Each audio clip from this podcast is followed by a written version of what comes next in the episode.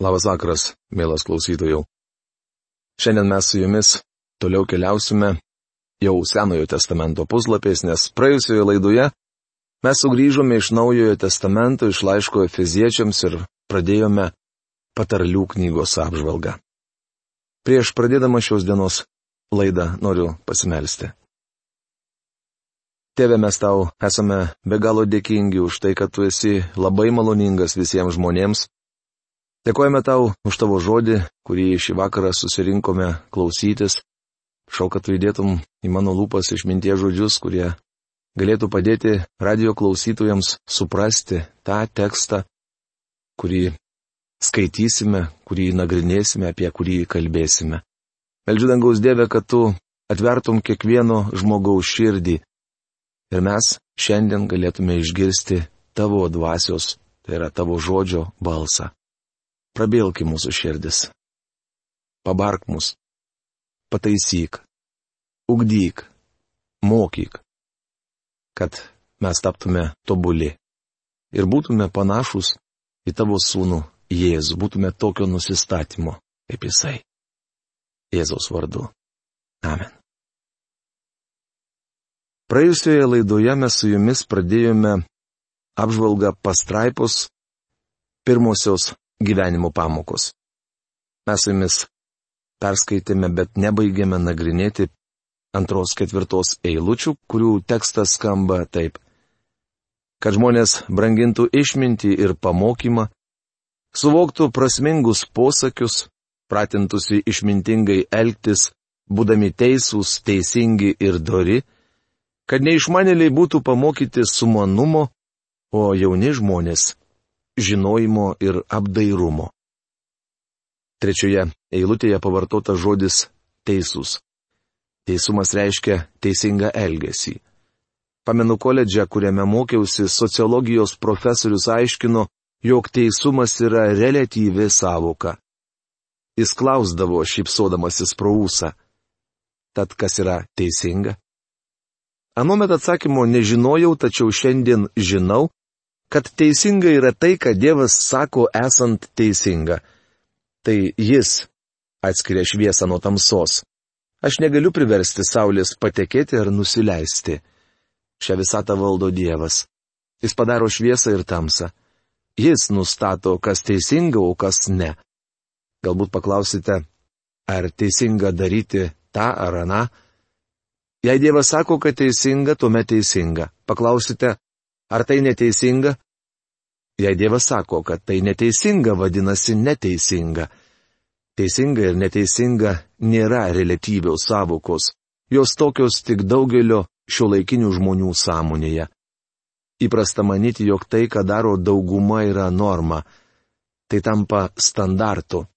Štai kodėl šiandien mes gyvename tokioje nesažiningoje ir amoralioje visuomenėje. Geris ir blogis tapo relatyviomis savokomis. Tačiau Dievas sako ką kita. Jos absoliučios kaip šviesa ir tamsa. Teisingi.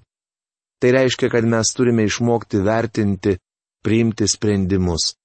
Tikintysis prieėjęs gyvenimo kryškelę privalo nuspręsti, kuriuo keliu eiti. Prieš atvykdamas į Kaliforniją buvau gavęs pasiūlymų tarnauti šalies rytuose, o taip pat vakarinėje pakrantėje. Sažiningai pasakysiu, jog nežinojau, kur vykti. Turėjau atnešti tai viešpačiu ir šitą išsiaiškinti. Galiausiai supratau, jog turiu vykti į Kaliforniją.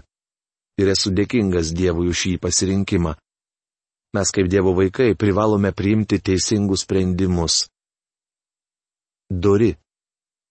Čia greičiau kalbama ne apie elgesį, bet apie principą. Dievo vaikas nepašauktas vykdyti taisyklių. Mums duoti principai, kuriais turėtume vadovautis. Pavyzdžiui, svarbus principas užrašytas laiško romiečiams 14 skyriaus 22 eilutėje. Laimingas, kam netenka smerkti savęs dėl savo sprendimų. Tikintysis turėtų viską daryti su užsidegimu. Dažnai krikščionių elgesys primena vaikščiojimą plonų ledu. Žmonės sako, nežinau, ar turėčiau tai daryti. Bičiuli, principas paprastas, jei negalite imtis to su užsidegimu, nesijimkite. Mums reikia viską daryti su nekantrumu, užsidegimu ir džiaugsmu. Turėtume būti tikri, jog elgiamės teisingai, kad vėliau nejaustume sąžinės graužaties. Laimingas, kam netenka smerkti savęs dėl savo sprendimų. Jei jūs žvelgdami atgal sakote, ak, verčiau nebūčiau to daręs. Vadinasi, pasielgėte neteisingai. Tose elgesio srityse, apie kurias šventasis raštas nutyli, dėrėtų vadovautis šiuo svarbiu principu. Jei prisiminę, ką darėte vakar, galite pasakyti, aleliuja, tai buvo puikia diena. Vadinasi, žinote, jog elgėtės teisingai. Kitas principas yra tas, kad mums reikia pakesti vienas kito silpnybės, o ne vien tenkinti savo norus. Turėtume klausti savęs, Ar tai, ką darau, nepapiktins mano artimo ar brolio Kristuje? Tai svarbus elgesio principai, kuriais turėtų vadovautis tikintysis. Neišmanėliai būtų pamokyti sumanumo. Sumanumas tai apdairus, protingas elgesys. Mes turime elgtis išmintingai, Dievo vaikui nedėra elgtis kvailai. Pamenu, konsultavau jauną porą, kuri rengėsi vykti į misijas. Aš asmeniškai raginau juos nevažiuoti, nes mačiau, jog jie tam darbui netinkami. Tačiau jie nenorėjo taikytis su realybė ir išvyko. Netrukus grįžo kaip nukentėjusieji. Iš tikrųjų, išvykdami į misiją, jėdu sugriovė savo gyvenimą. Minėtoji pora pasielgė neapdairiai. Jie priėmė neišmintingą sprendimą. Prisiminkite, jog viešpats Jėzus sakė, todėl būkite gudrus kaip žalčiai ir neklastingi, kaip balandžiai, rašoma Mato Evangelijos 10 skyrius 16 eilutėje. Jauni žmonės - žinojimo. Žinojimas - tai naudinga informacija. Pamenu koledžo, kuriame mokiausi mokslo laboratorijoje virš skelbimų lentos kabėjo šūkis. Aš užmiršau visas chemijos formulės, kokias tik kada nors buvau išmokęs. Tačiau visuomet prisimenu tą šūkį. Jis skambėjo taip. Jei nežinai, reikia žinoti, kur sužinoti.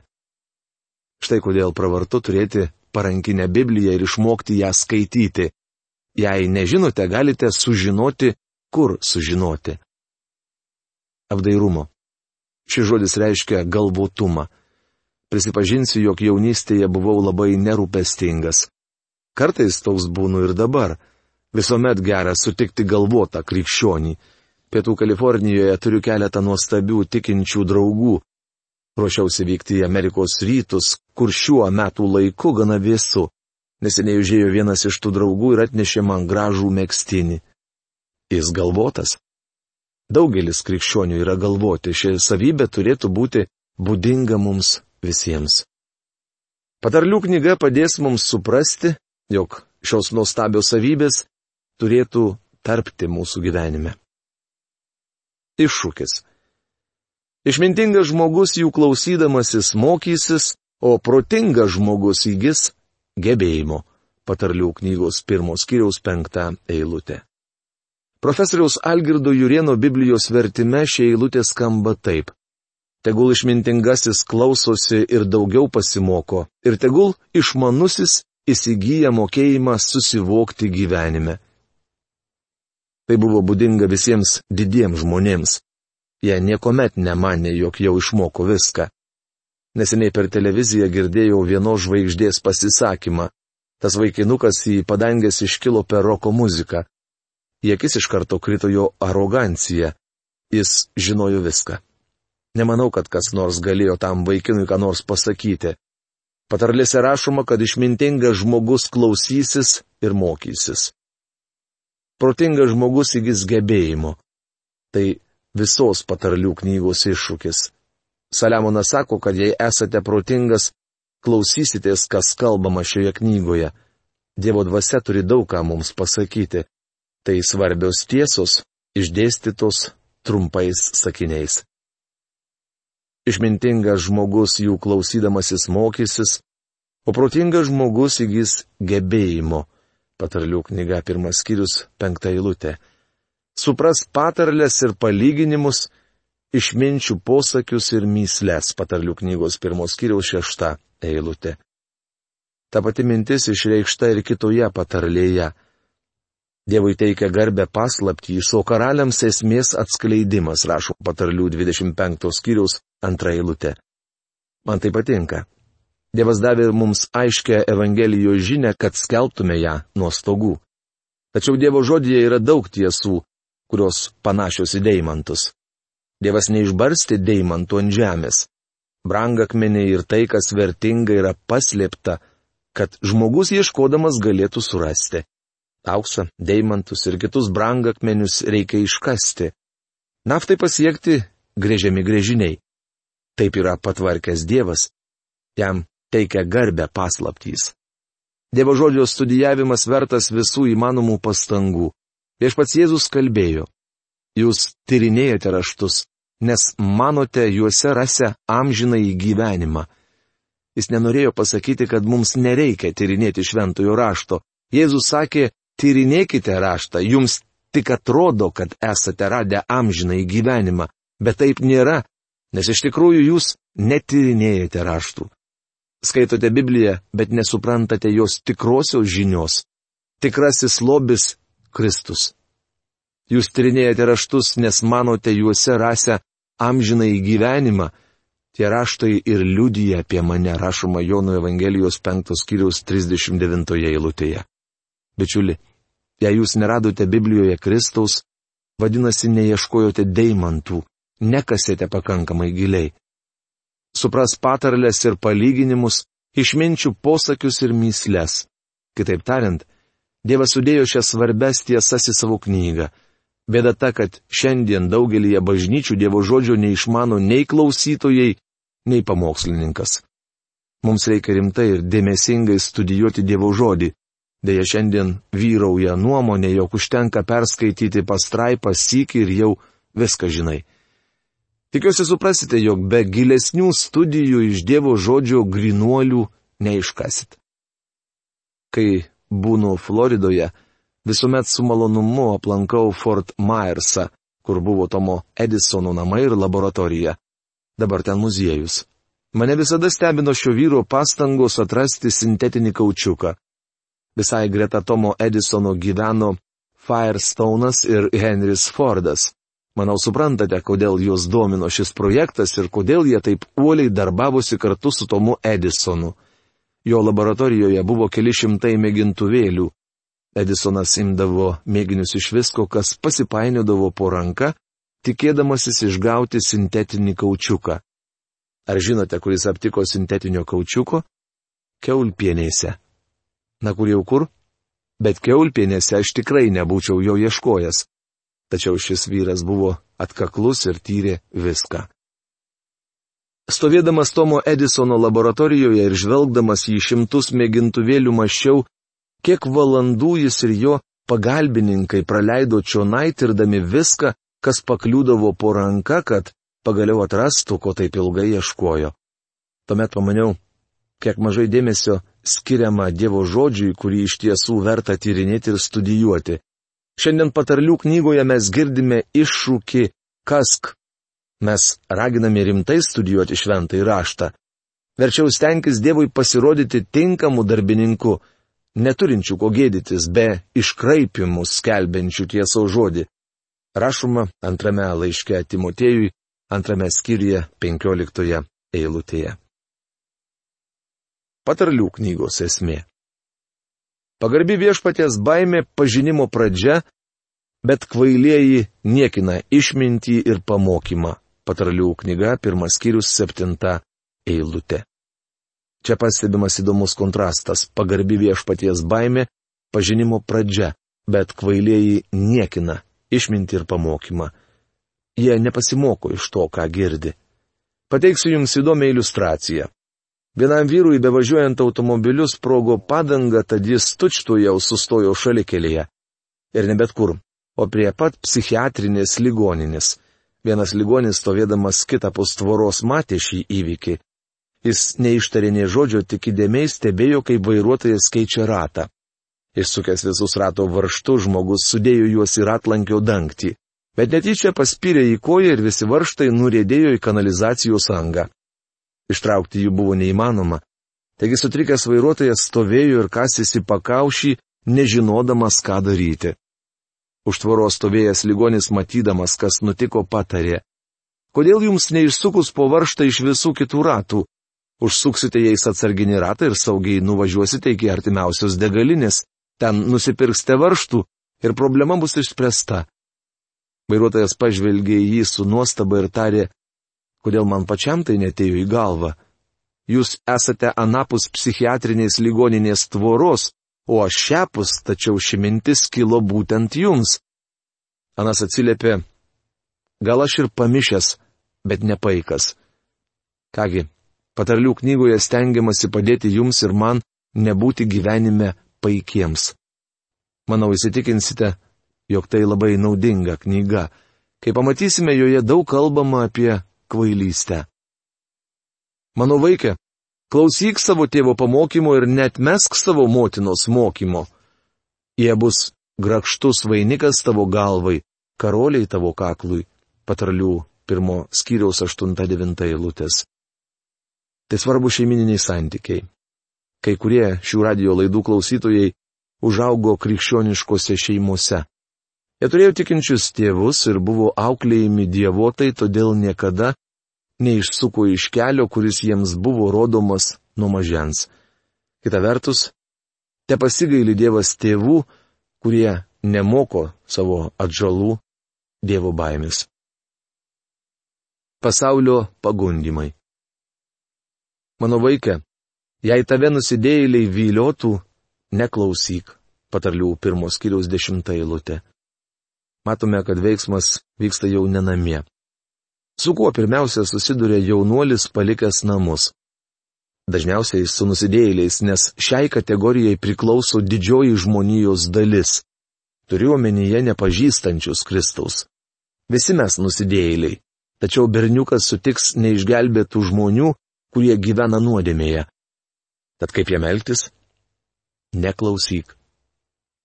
Prisimenate, sakiau, jog šioje knygoje rasite patarlių, kurios tiks Biblijos veikėjams. Tikriausiai rasite po patarlį ir kiekvienam savo draugui, tik galbūt nenorėsite jiems to sakyti. Skaitytojai patarlė tinka vienam Biblijos veikėjui. Kaip manote, kokiam? Ar jums netrodo, jog ji labai tinka Juozapui, kuris parduotas Egipto vergyjon, buvo gundomas Patifaro žmonos? Jis jos neklausė. Ši patarlė puikiai apibūdina Juozapo elgesį. Jei sakytų, eikš su mumis, surenkime krūvinas pasalas, paspeskime pastus nekaltiems, prarykime juos gyvus, kaip daro šeolas, žydint gyvenimui tarsi žengiančius į kapą. Rasime visokių brangių daiktų, prisikrausime savo namus grobio. Patarlių knygos pirmos kiriaus 11-13 eilutės. Nusidėjėliai žino, kaip pralopti be vargo ir pastangų. Jis gyvena kito sąskaitą, it parazitas, priverčia kitą kentėti, kad pats galėtų klestėti. Susiek savo likimą su mumis ir visi turėsime vieną bendrą piniginę. Patarlių knygos pirmos kiriaus 14 eilutė. Tokia nūdienos filosofija. Gyvenkime iš vienos bendros piniginės. Paprastai šios filosofijos šalininkai patys nieko nedaro. Jie nori, kad dirbantys žmonės dalytųsi su jais savo uždarbiu, bet patys nenori ne piršto pajudinti. Tai apgaulinga filosofija, tačiau jį paplitusi tarp šio laikinio jaunimo. Tokia yra nūdienos mąstysena ir nuotaika. Naudokime bet kokius metodus, net ir suktus, kad įgautume kažką už dyką. Mano tėvas žuvo įvykus avarijai medvilnės valymo mašinoje, kai man te buvo 14 metų. Tuomet mama, pasiemusi mane ir seserį, grįžo į savo gimtąjį Nešvilį. Buvau priverstas ieškotis darbo. Negalėjau tęsti mokslų, nes mes visai neturėjome už ką gyventi. Įsidarbinau didmeninėje parduotuvėje, kuri priekiavo be ne viskuo, įskaitant ir saldainius. Kartu su keliais kitais berniukais dirbau prekių prieimimo skyriuje. Mano bendradarbiai buvo tikri nenaudėliai.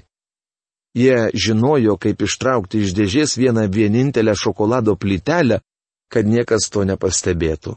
Kadangi tai buvo didmeninė parduotuvė, ten stovėdavo apie 50 dėžių šokoladinių saldainių.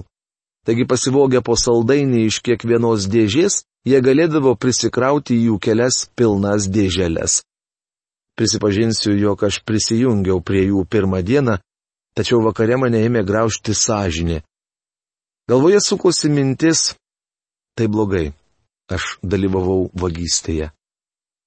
Kita diena ilgiausi gerai, tačiau negalėjau sugražinti saldainių, nes dalį jau buvau suvalgęs. Vėliau vadybininkas leisdavo man didmeninę kainą nusipirkti šešias šokolado plyteles. Parduodavau jas po penkis centus už plytelę kontoroje dirbusiems vyrams ir moterims. Paskutinioji plytelė būdavo mano uždarbis, nes visa dėželė didmeninė kaina man kainuodavo 25 centus.